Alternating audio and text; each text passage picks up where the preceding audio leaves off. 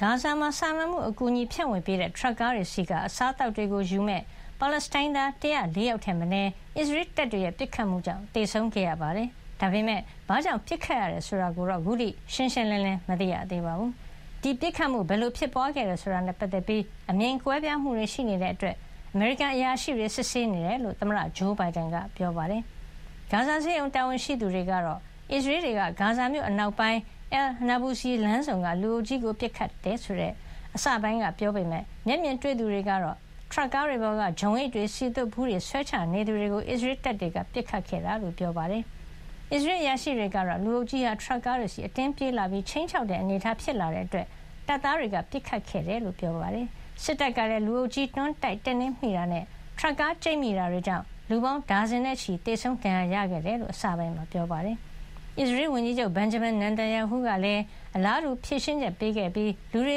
က ပစ္စည်းတွေလူဖို့အတွက်စ조사ခဲ့ကြကြောင်းနဲ့ နောက်မှ ထရပ်ကားတွေက တိုက်မိတာဖြစ်ကြောင်း ပြောပါတယ်။